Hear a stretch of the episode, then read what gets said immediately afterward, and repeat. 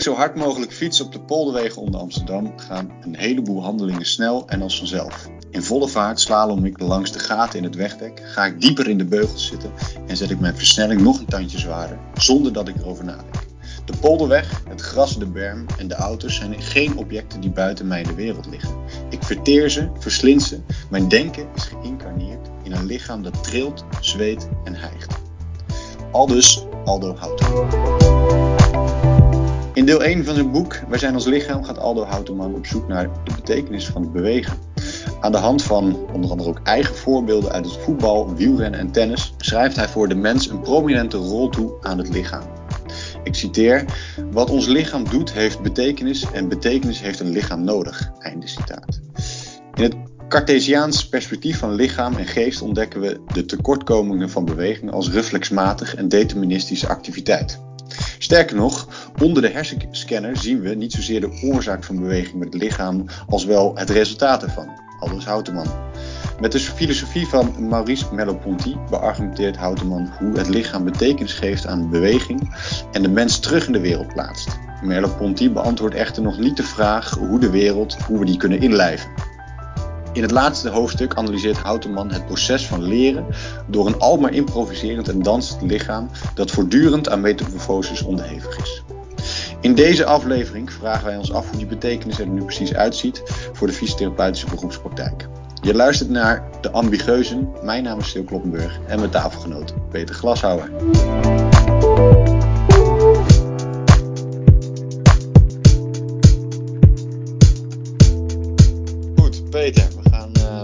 Vandaag deel 1 uh, bespreken uh, uit het boek van Aldo Houteman. En eigenlijk mijn allereerste vraag hoe jij dit eerste, eerste deel hebt gelezen van het boek. Ja, ja um, leuke vraag, want eigenlijk uh, heb ik dit, dit deel gewoon door jou onder mijn neus gedrukt gekregen. Als zijnde, hé hey man, dit moeten we echt een keer lezen en bespreken, want dit is echt een superleuk boek. En wat feitelijk dus ook gebeurde, was dat jij zei, hier neem maar mee. En dat ik vervolgens thuis die dat lezen was, voor jou een online kopie uh, heb laten bezorgen. Maar dat ik ondertussen wel echt verslingerd was geraakt aan, um, aan de manier van kijken. En Aldo Houteman um, weet op een of andere manier de, de, de filosofie over uh, fenomenologie prachtig naar, naar, het voor, nou ja, naar de voorgrond te brengen. En dat, ja, dat, dat is voor, voor mijn rol als fysiotherapeut um, wel, wel echt super interessant. Uh, in het kijken naar beweegproblemen en, en hoe, hoe, hoe motorische activiteit tot stand komt, weet ik natuurlijk wel vanuit een soort theoretisch fysiologisch perspectief. Maar ja. Maar ik weet erg weinig van, van de fenomenologische kant van hè, het kijken naar bewegen en wat valt er nog meer uit af te leiden. Dus ik, ik, heb, hier, uh, ik heb hier met erg veel plezier naar gekeken. Ja, wat, wat, uh, even daarop inhakend, hè? want we, houden ons natuurlijk allebei bezig met dat bewegen. En zeker ook op het moment dat er iets, iets niet goed gaat of als er, iets, als er problemen zijn. Uh, dat doen we zowel in de praktijk als met onze studenten. Maar wat, wat maakt dan dat, dat we allebei bij dit boek hadden zoiets van, hé, hey, maar dit, dit moeten we bespreken. Dit moeten we ook delen met, met, uh, met anderen, met collega's, met studenten. Wat, wat, wat is dan essentieel, denk jij, in dit eerste deel? Ja, um, nou, wat hij eigenlijk uh, doet, en dat helpt heel erg, is om, om eerst gewoon eens um, uit elkaar te rafelen, um, hoe, hoe zit bewegen in elkaar? En welke mm-hmm. elementen heeft bewegen precies? En hoe komen bijvoorbeeld... Um, ja, laten we zeggen, de zelfregulerende mechanismes daarbij um, van het individu en dan vooral het individu in relatie tot de omgeving. En, en waarbij ik echt ben opgeleid vanuit het perspectief van um, het, brein reguleert, weet je wel. Uh, Zo'n soort uh, brein is het de, de, de war room van Churchill, uh, schrijft ja. Aldo. Ja. Waarbij alle besluiten voor, voor alle legers als zijn het lijf gegeven worden en controleert ja. en geeft aan. Ja. Terwijl, terwijl als je gaat kijken naar hoe mensen bewegen en, en dan de vraag stelt van waarom is deze manier van bewegen bijvoorbeeld betekenisvol relatie tot de taak of in relatie tot de persoon, dan is er nog zoveel meer te ontdekken en te zien aan bewegen als je dat zo bekijkt. Dat, dat is echt super interessant. Ja, ja dat vooral, is eigenlijk. Ja. Nou ja, vooral omdat patiënten vooral over die laatste dimensie klagen. Die, die hebben het over, weet je, ik kan dingen niet meer en die zijn wel belangrijk voor mij. Mhm. En die, die zijn er belangrijk voor mij omdat ik een bepaalde rol heb. En die hebben het nooit over, uh, ja, de, de reflex van mijn uh, biceps space is, uh, is dominant in, in mijn strekfunctie of zo. Ja, ja. dus dat woordje betekenis hè, is ook gelijknamig. de, de titel is gelijknamig. Hè, wat betekent het om te bewegen van het eerste deel? Dit, dat haal jij ook aan. Hè? Dus, dus als je kijkt naar die praktijk, dus, het lijkt alsof we die betekenis in, de, in de traditionele vormen wat van, van behandelen, van diagnostiek, soms wat of een andere invulling aan geven, of misschien wel wat, wat links laten liggen. En waarin Aldo eigenlijk in zijn hele betoog ook aangeeft, ja, weet je, die betekenis van bewegen is essentieel om uh, ook bewegen te kunnen, misschien wel te kunnen beschrijven of te verklaren. Waarom kan iemand wel of niet meer bewegen? Ja, ja um, ik zou bijna zeggen, nog sterker nog, je hebt bijna een filosoof nodig om uiteen te rafelen van waar zitten we nu eigenlijk precies naar te kijken. Ja, ja en als je jezelf de tijd gunt om eens even stil te staan bij wat is betekenisvol bewegen eigenlijk precies? En waarom is het voor die persoon betekenisvol? Dan kom je bij patiëntverhalen uit. En waarom is het voor ons als bewegingsanalyticus uh, interessant? Dan, dan, dan, uh, dan wil ik altijd voor mezelf gewoon, gewoon snappen waarom dingen op een bepaalde manier zich ontvouwen. En wil ik ook gewoon proberen te begrijpen wat, wat ik zie. Ja. En, en ik, ik, zeg tegen patiënten altijd van als, als ik nou snap wat jouw probleem is, dan kan ik proberen aan jou uit te leggen. Weet je, vanuit, vanuit dat perspectief. Ja, dat, dat is een mooie. Ja. Van als ik nou ook eens probeer te snappen wat het probleem is. En, en dat is ook tegelijkertijd het moeilijke eraan. Hè? Van, ja, over wat voor een probleem hebben we het dan eigenlijk? Is dat een puur mechanisch probleem? Of is dat een veel nou ja, om even de term aan te halen, veel meer een probleem in de betekenis van bewegen. En, uh, en uh, eigenlijk het hele eerste stuk gaat ook over dat bewegen als reflexmatige handeling. Hè. Dat is ook veel wat we met onze studenten bespreken. Is van ja, bewegen is een gevolg van stimulus-respons. Dus er moet altijd een bepaalde prikkel zijn. En daar reageert het lichaam in zekere zin op. En daar geeft hij ook in aan dat dat zo problematisch is. Hè? Dat dat als we puur kijken naar bewegen als, uh, als, als stimulus en respons, dan loop je tegen tal van problemen aan die niet te verklaren zijn in die praktijk. Heb jij, dat ook zo gelezen? Ja, ja, zeker. De, de, um, hij haalt dan, haalt dan zo'n voorbeeld aan van een, um, een keeper op de lijn. Die die bij een penalty moet reageren. En dan heb je, uh, of wat ik van tennissen die op de service uh, staat te wachten van zijn uh, tegenstander. En dan heb je met de tennis geloof ik 0,43 seconden om te reageren op de service. Want zo snel gaat die bal. En dan, dan heb je dus een aantal voorgeprogrammeerde handelingen die nodig zijn om die bal terug te kunnen slaan. En dan, als je er zo naar kijkt, loop je gelijk tegen het probleem aan. Dat, dat is dit gepland of is dit een reflex? Ja. En is die reflex, um, laten we zeggen, enkelvoudig in de zin van actie-reactie? Of is dat een groep spieren die een, bepaald, uh, een bepaalde handeling verrichten zonder tussenkomst van het brein of zoiets?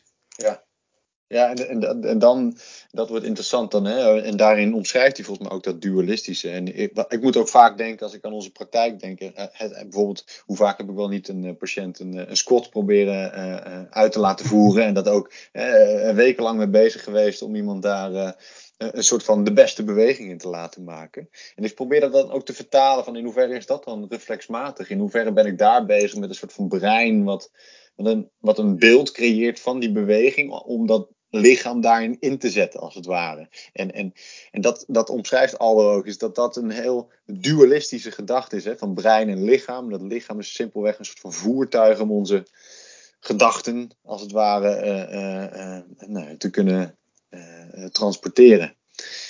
En, en, en, dat vond ik interessant. En dat was ook precies voor mij de reden van, ja, maar dit moeten we bespreken. Dit, want hier liggen vaak die punten die ik in de praktijk ervaar en waar ik ook met de student van ja, weet je, dat klopt. Dat, uh, in hoeverre is dit nou normaal of betekenisvol bewegen? Um, daar lijkt ik hier antwoorden in te vinden. Ja, en, en als je dit zo zegt, hè, weet je, squatten is zo'n idiote beweging eigenlijk. Waarbij je, uh, ja, kijk, ik hoor het mezelf ook zeggen hoor, van iedereen met rugklachten, die moet leren deadliften. Maar tegelijkertijd is dat, laten we zeggen, hoe, hoe fan ik ook van die oefening ben om, om je rug sterk te maken. Mhm. En, en, en dat te combineren met grijpen. Dus, dus duwen, trekken, bukken, tillen, weet je, dat is allemaal een beetje soort in, in de deadlift opgesloten. Maar toch ook weer helemaal niet. Het is gewoon een Ja. idiote beweging. Je staat voor een spiegel, je hebt een stang voor je hangen met, met weet ik veel kilo's eraan. En, en, en we gaan vanaf de zijkant kijken hoe je een perfecte beweging in een perfecte lijn naar boven kunt maken met die stang die zo dicht als mogelijk bij je zwaartepunt blijft. Het is, het is, een, het is een, een puur abstract en gestileerde beweging die, die, die een perfectie suggereert met een, met, met, een, met een gouden soort koninklijke standaard. Ja, en- met abstract, wat bedoel je daar dan mee? Ja, nou, dat is, ehm, dat is wat, wat, wat eigenlijk in de loop van dit, eh, dit hoofdstuk boven komt drijven, is, is ehm, dat verschil tussen, ehm, tussen handelen vanuit een bepaalde abstracte gedachte bijvoorbeeld. Hè, van, eh, in mijn kliniek praat je dan over, eh, zeg ik tegen een patiënt, oké, ehm, je hebt van je schouder, ik ga eens even kijken hoe je beweegt, til je arm is voorwaarts naar het plafond. En de patiënt tilt vervolgens met een gestrekte arm ehm, eh, brengt hij voorwaarts naar het plafond en dan zegt hij ergens, oh, dit doet pijn. En dan ga ik analyse op uitvoeren van, nou ja, ehm, hoe beweeg je dan, ben je beperkt, dat soort dingen. En dat is eigenlijk een abstracte opdracht met een abstracte uitvoering, waarbij de patiënt ook moet snappen wat ik bedoel met, breng je arm eens voorwaarts naar het plafond.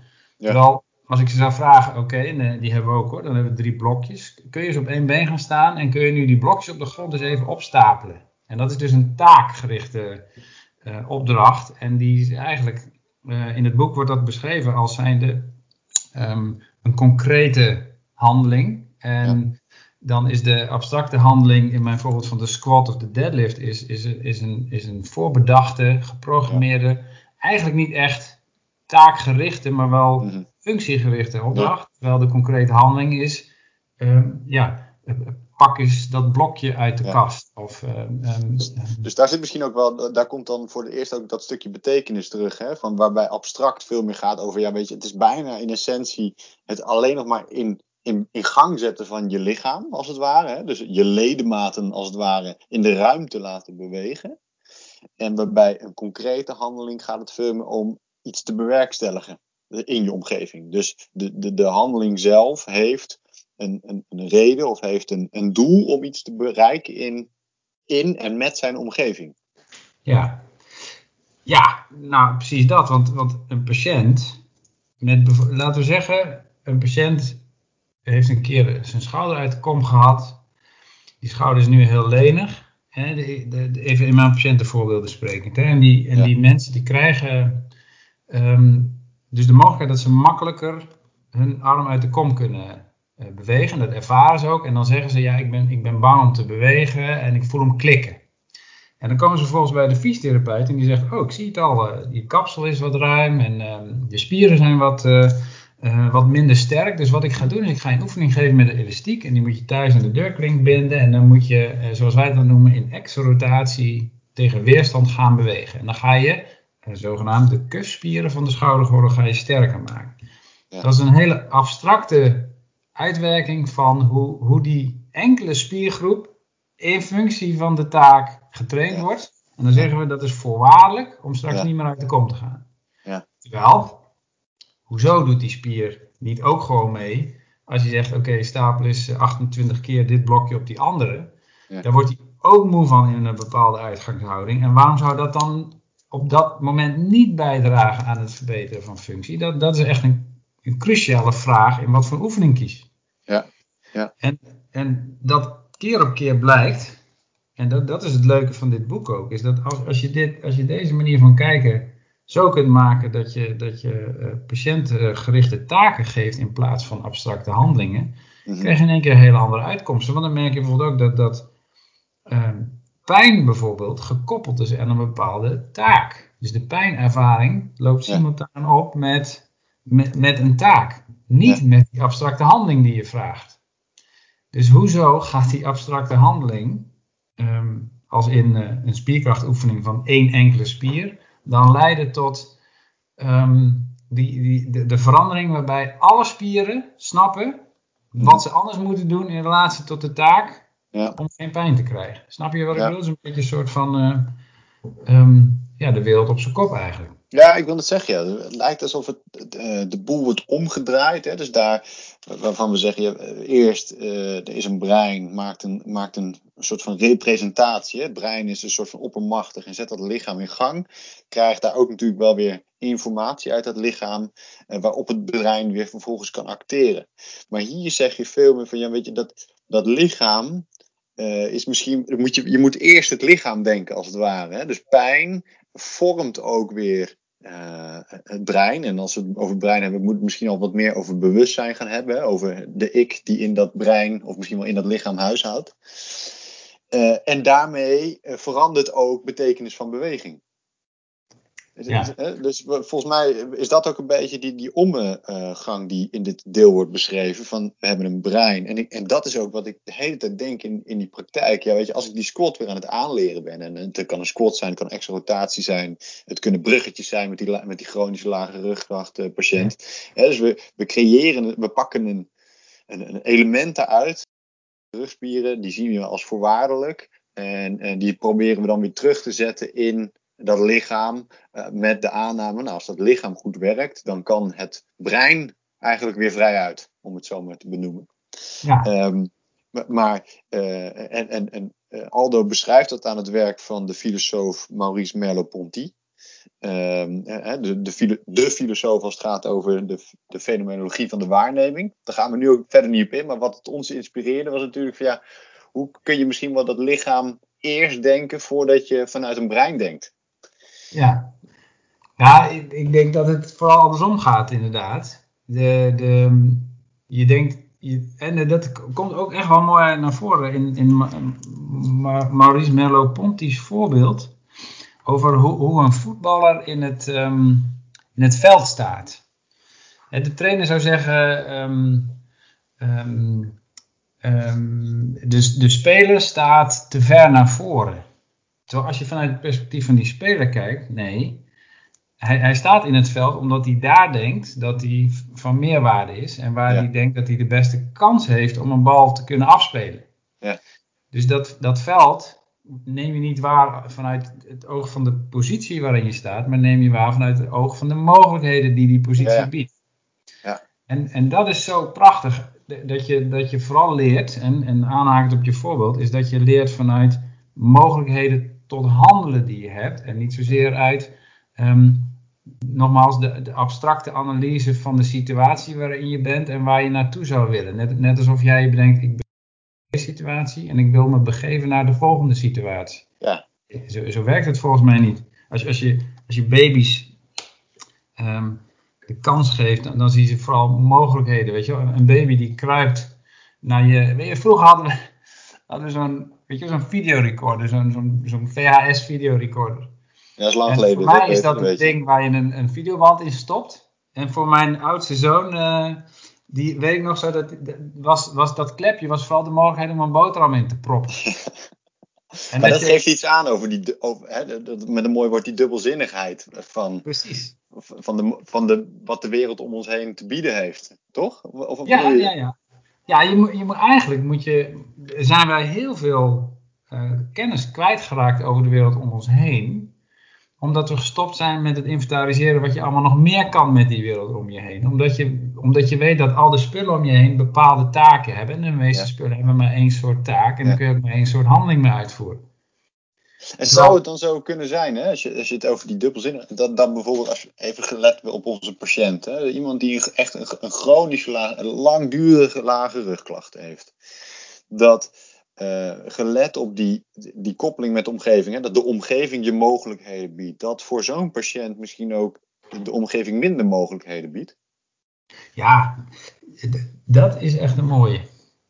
Want als je, ik denk dus hè, dat, dat, dat of tenminste dit, dit boek, en ook die, vooral, vooral die filosofieën natuurlijk, uh, die, die geven je vooral te denken over um, um, um, de één op één koppeling met, laten we zeggen, de taak en de pijn. Ja.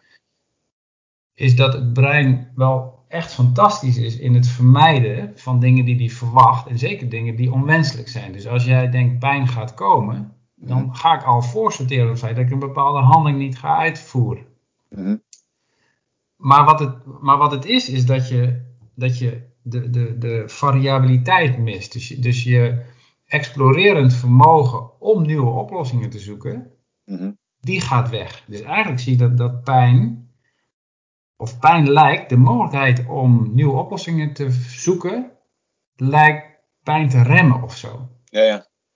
En, wat we, we, stellen hier natuurlijk ehm, eh, bewegen en mogelijkheden tot bewegen. Het lichaam misschien wel gelijk aan, ehm, aan bewustzijn. Hè? Dus, als we, dus dat, dat brein. Dus waar we eerst zeiden, brein is eerst oppermachtig, zeggen we nu veel meer lichaam en, en bewustzijn zijn een soort van verbonden aan elkaar. Ja, Ehm, en ik heb ergens het idee dat we, dat we ook niks nieuws zeggen. En dat, dat, moet ik even nuanceren duidelijk. Maar dat we het wel in, als wij naar de, de patiënt kijken, dan zeggen we ja, tuurlijk, iemand met lage rugklachten, die kan minder, die doet minder. Hè, die, die zit het liefst, eh, staat liefst of die zit liefst in een bepaalde stoel. Maar wat, wat essentieel hierin is, is dat de gedachte erachter hoe dat komt, ligt in die die existentiële verbinding tussen bewegen, hoe bewegen eigenlijk je lichaam veel meer van invloed is op dat bewustzijn. In plaats van dat je denkt, ja, er is een soort van ik, een, een persoon met pijn, met rugklachten, die zijn lichaam niet meer inzet. ja, Dat is volgens mij die, de, de koppeling, of tenminste de, de, de, de echte verandering van kijken, die Aldo in dat eerste deel probeert eh, te bewerkstelligen. ja. Ja, nou, die, die, ehm, bijvoorbeeld die termen ehm, die geïntroduceerd worden, hè, dus identiteit en zelfbeeld. Die, die twee elementen zijn heel sterk aan elkaar gekoppeld. Eh, het zelfbeeld moet je echt zien als, eh, weet je, ik kijk in de spiegel en ik herken mezelf. Ik herken mezelf zoals ik denk dat ik ben. Hè? Dus als jij als patiënt, neem als voorbeeld, eh, het is zomertijd, ehm, ik, ik ben een vrouw, ik sta voor de spiegel en ik heb een borstamputatie gehad. Ehm, het feit dat ik mezelf niet herken in de spiegel, eh, roept het probleem op dat ik het dus niet prettig vind om als zodanig naar buiten te gaan met weinig kleding op mijn lijf. Mhm. Ehm, dat zelfbeeld is echt, laten we zeggen, die is zo mankerend. Op, op, hè, dus je hebt de ziekte, eh, borstkanker, je hebt, de, je hebt de behandeling daarvan, als in het wegnemen van een borst onder andere. Ehm, maar ondertussen is het gezondheidsprobleem dat, dat de, de identiteit en het zelfbeeld zijn aangetast. En dan is de vraag, he- heb je dus de benadering vanuit ehm, ehm, de psychologie, namelijk de patiënt moet, accep- moet zijn nieuwe lijf accepteren? Ja. Of heb je de benadering waarvan je zegt, nee, dat, dat, dat gemankeerde lijf ehm, zorgt ook voor een gemankeerde manier van denken. Ja. En ik vind, ik vind dat razend interessant, omdat je, eh, laten we zeggen, waar we nu over praten is acceptatie en of het Ja. wel of niet mogelijk is. En, en het beschrijven van hoe ziet je lijf er dan uit. En, en, en, en da, dat is volgens mij de, de therapie die je zou moeten kiezen om zo iemand te kunnen helpen. Ja, ja, ja. En wa- wa- wat hij volgens mij hier ook aan evidentie aan toevoegt, hè, want jij zegt dus eigenlijk dat liggen, dat lijf, dat, dat gemankeerde lijf is dus eh, is doorslaggevend of heeft sowieso effect op dat gemankeerde bewustzijn. Ja. Ehm, en wat hij hier aan toevoegt aan bewijs is volgens mij dat op het moment dat je hè, de ouder wordende mens, de, de profatleet, eh voetballen of zo, op het moment dat je die onder een, een MRI legt, en dan zie je andere hersenactiviteit dan eh is een vergelijkbare groep. Hè? Dus eh, als je een profvoetballer met een niet-profvoetballer of iemand die geen ervaring heeft met profvoetballen, ervan uitgaande dat dat lichaam, de kennis en ervaring ook anders is, dan zie je dus een andere breinactiviteit. Ja. En dat, dat, volgens mij is dat ook een mooi voorbeeld waarop je zegt, ja weet je, het is niet zo dat we eerst een brein hebben en vervolgens dat lichaam wat een beetje hè, wordt aangestuurd, maar veel meer hoe heeft effect op hoe en wie wij zijn. Identiteit, zoals je het net noemt. Ja, ja en inderdaad heeft hij dat voorbeeld van, eh, van Neymar. En dan zegt hij, ehm, ehm, kijk dat je in de scanner zie je niet zozeer de oorzaak van beweging, ehm, als wel het resultaat ervan. Mooi hè? Dat, dat, Ja. dat draait je het letterlijk om. Ja, ja en, en ook de parallel met, eh, hoe heet die, Jan Mulder die over Cruijff zegt, ja Cruijff die dacht niet met zijn hoofd, die dacht met zijn voeten. Ja. En dat, dat je ehm, dat, dat het tot op zekere hoogte ook, ook precies past. En dat is het bewijs, denk ik. Dus het bewijs ligt in die fMRI-scanner wellicht. Ja. met de vraag, doe je die bewegingen dan en zie je vervolgens de representatie in dat brein tevoorschijn komen? Of ja. is, het een, is, het een, is de representatie van dat brein een start voor die beweging? Want dat is de vraag die ze dan stellen eigenlijk, denk ik. Ja. En dan is, veel, veel mensen zullen zeggen, ehm, ik, ik ben vooral, ik ben, als ik aan het sporten ben, denk ik niet na en dan ben ik gewoon aan het doen. En mijn lijf weet wel wat hij moet doen in bepaalde situaties. Ja, en, en, en daarin volgend gaat hij dan, want dat, dat benoemde hij al eerder, hè, over een soort van mogelijkheden, intenties als het ware, de intentie van handelen, om iets te bewerkstelligen. En, en daar wordt dat mooie begrip motorische intentie aan toegevoegd, vind ik. Hè? Dus, dus hoe je eigenlijk door te bewegen je mogelijkheden creëert. En, en eh, om even een uitstapje te maken naar de muziek, uh, daar wordt een mooi voorbeeld gegeven over melodieën. Hè? Dus dat, hoe de samenhang van de verschillende noten tot een mooie klank leidt. Maar ook elke keer weer een nieuwe mogelijkheid creëert. Hè? Dus je kunt bij wijze van spreken een toontje hoger of lager uh, gaan, om het zo maar te zeggen. dat, dat, dat vond ik typisch. Hè? Dus hoe je um, de, de, patiënt of de, gewoon ook de gezonde mensen door te bewegen ook elke keer weer de mogelijkheden creëert. En die mogelijkheden zijn natuurlijk weer afhankelijk van die ambiguïteit. En nu gooi ik even een hele riedel aan woorden tevoorschijn. Maar volgens mij betekent het niets anders dan de omgeving. Hè? Dus de, de wereld waarin we leven eh, biedt ons informatie. En informatie is, um, of biedt ons elementen die altijd ambigu zijn. Dus dubbelzinnig. Ja. dus een, je kunt op een, op een stoel gaan staan, je kunt erop gaan zitten, je kunt eronder gaan liggen, dus er heeft iets, iets ambiguus zitten in. Uh, maar doordat je beweegt, ontstaan eigenlijk die mogelijkheden. En, en op basis van die ambiguïteit die de omgeving ons biedt. Ja, ja mooi man. Kijk, ik, ik, heb, ik ben niet muzikaal hoor. Ik, ik, we hadden vroeger een, um, een, een piano in de, in de kamer staan. En mijn, mijn zussen die kunnen allebei best goed spelen. Uh, um, um, en en ik, ik zat er dan te improviseren op mijn manier, maar ze eigenlijk gewoon naspelen. Ja. En als je, als je muziek maakt, dan tijdens het muziek maken, nogmaals, ik ben niet muzikaal, dus mensen die muziek maken begrijpen dit voorbeeld. Want dan, want dan kun je dus op bepaalde tonen kun je wel bepaalde laten volgen, maar andere tonen ook weer niet. Want dat klinkt, dat klinkt niet mooi. Het klinkt vals. Dus, dus improviseren is niks anders dan tonen die elkaar opvolgen. Maar sommige tonen zijn meer waarschijnlijk dan andere. Ja.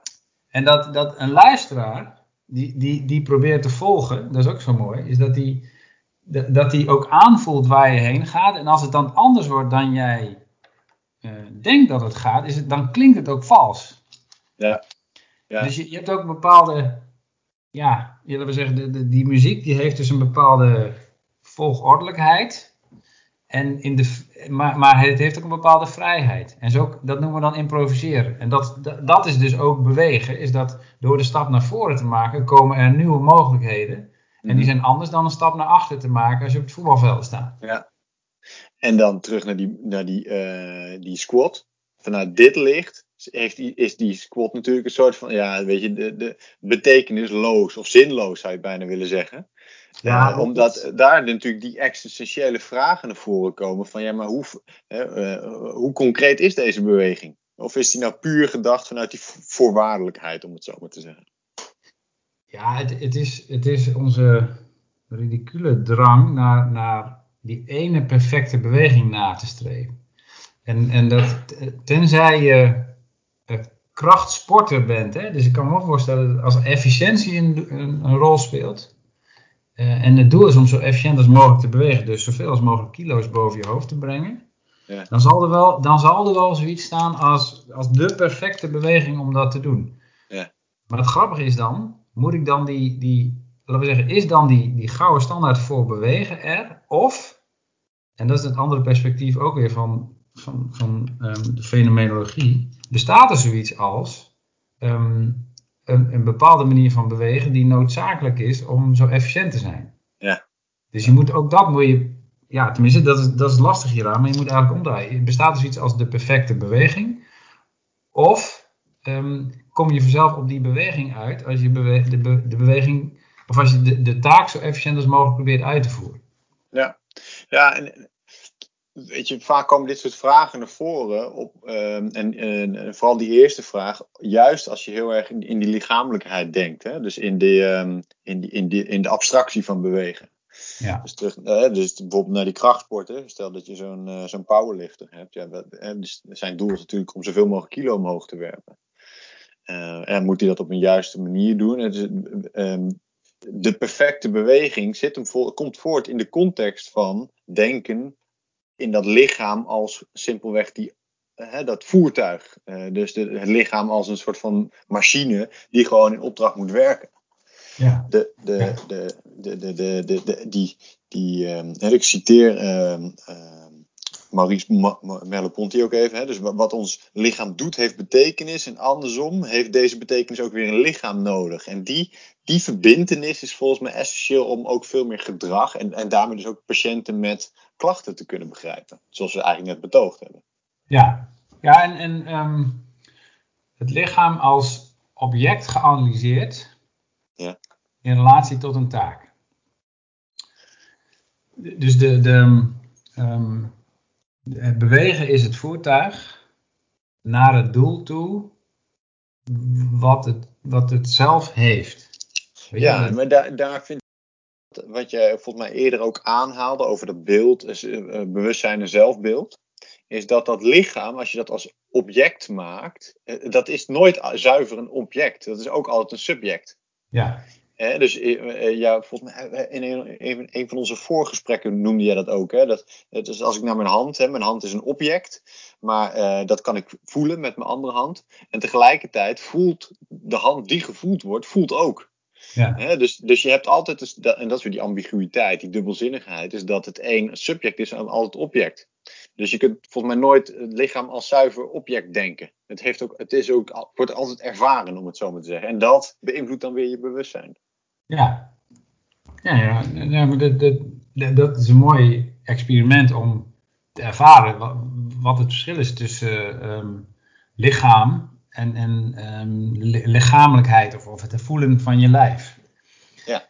Uh, versus de, de, de, de vorm. En, maar in, ook weer um, het verschil tussen, tussen sensorische informatie en de weging ervan. Hè. Dus, dus wij, wij praten heel erg vaak over het brein neemt waar, het brein interpreteert. Ja. Um, en dat is eigenlijk alleen maar gefocust op, op de, de, de sensorische informatie die uit het lijf en uit de omgeving het brein binnenkomen. Um, um, terwijl, terwijl en, en, dat is zo lastig, is dat, je, dat, dat, dat die Marlies Menlo-Ponty, die draait het ook gewoon om. dat, dat door te bewegen, komt die sensorische informatie. Dus wat, is dan, wat komt dan eerst? Door je in de ruimte te bewegen veranderen de objecten om je heen en dat neem je waar. En dan vervolgens ehm, zie je dat bepaalde objecten groter of kleiner worden. Ja. En, en, en, en daar plan je nieuw bewegen op. Maar het is puur bij de gratie van het, van het in beweging komen dat die, die stroom van sensorische informatie ehm, op gang komt. Dus wat is, dan, wat is er dan eerst? Of is het, is het, een, is het een, een, ja, een closed loop of een open loop? Dat soort vragen komen dan ook om de hoek kijken. Van is, het, is het zo dat je juist door te bewegen percipieert? Of, of start je eerst met de perceptie van een actie ja. Die, die op het moment dat ik snap waar ik, waar ik naartoe wil, zo even als een panklare actie gestart wordt en dan kom ik in beweging. En dat is een mooi voorbeeld van, uh, van Aldo zijn, zijn dochter, weet je, dat, je, dat, dat zij op zo'n bibelfietsje um, er evenwicht zoekt. Maar, maar dat bewegen voor haar zo ontzettend veel plezier oplevert op die, op die loopfiets, omdat je continu je evenwichtssensoren uitdaagt. Maar juist door snelheid te maken, wordt het, wordt het aan de ene kant makkelijker, maar ervaar je ook hoe fijn het is om, om daar motorisch mee actief te zijn. Ik vind dat zo een prachtig voorbeeld. Ja, zeker. Dat is ook een mooi, um, mooi bruggetje daarin. Want hè, binnen onze beroep zijn we natuurlijk ook veel bezig hè, te diagnosticeren. Causaliteit, wat wat is de oorzaak van een klacht? Hoe moet ik haar begrijpen? En, maar, en vervolgens willen we daar natuurlijk op interveneren. Dus wat zouden we, daar, wat zouden we moeten doen om nou, enigszins uh, om een nieuw doel te bereiken. Dan laat ik even in het midden wat het doel is. Maar het leren staat natuurlijk best wel centraal binnen ons handelen. En, um, want en Maurice Merleau-Ponty is daar vrij Um, die, die zegt er eigenlijk niet heel veel over, behalve van ja, weet je, een beweging is geleerd als het, als het, het een soort van als het lichaam haar begrepen heeft. En ik vond dat nog best wel abstract. Hè? Uh, het moet een soort van ingelijfd zijn. Hij heeft het natuurlijk over, over een soort van um, uh, de geleefde wereld, de, de belichaamde wereld ook. Maar hij gaat verder niet zo door op dat leren. Met het voor, dat was zo mooi aan het voorbeeld dat jij net noemde, inderdaad, over de dochter van, uh, van Aldo Houteman. van ja, maar hoe moeten we dan kijken naar die die horizontale verbinding tussen bewustzijn en bewegen in termen van leren.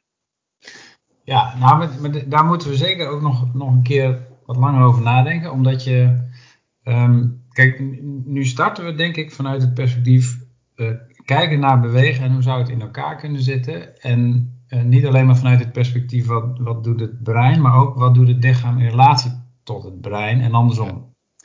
En die twee samen staan in relatie tot de omgeving. En die kun je niet loszien van elkaar.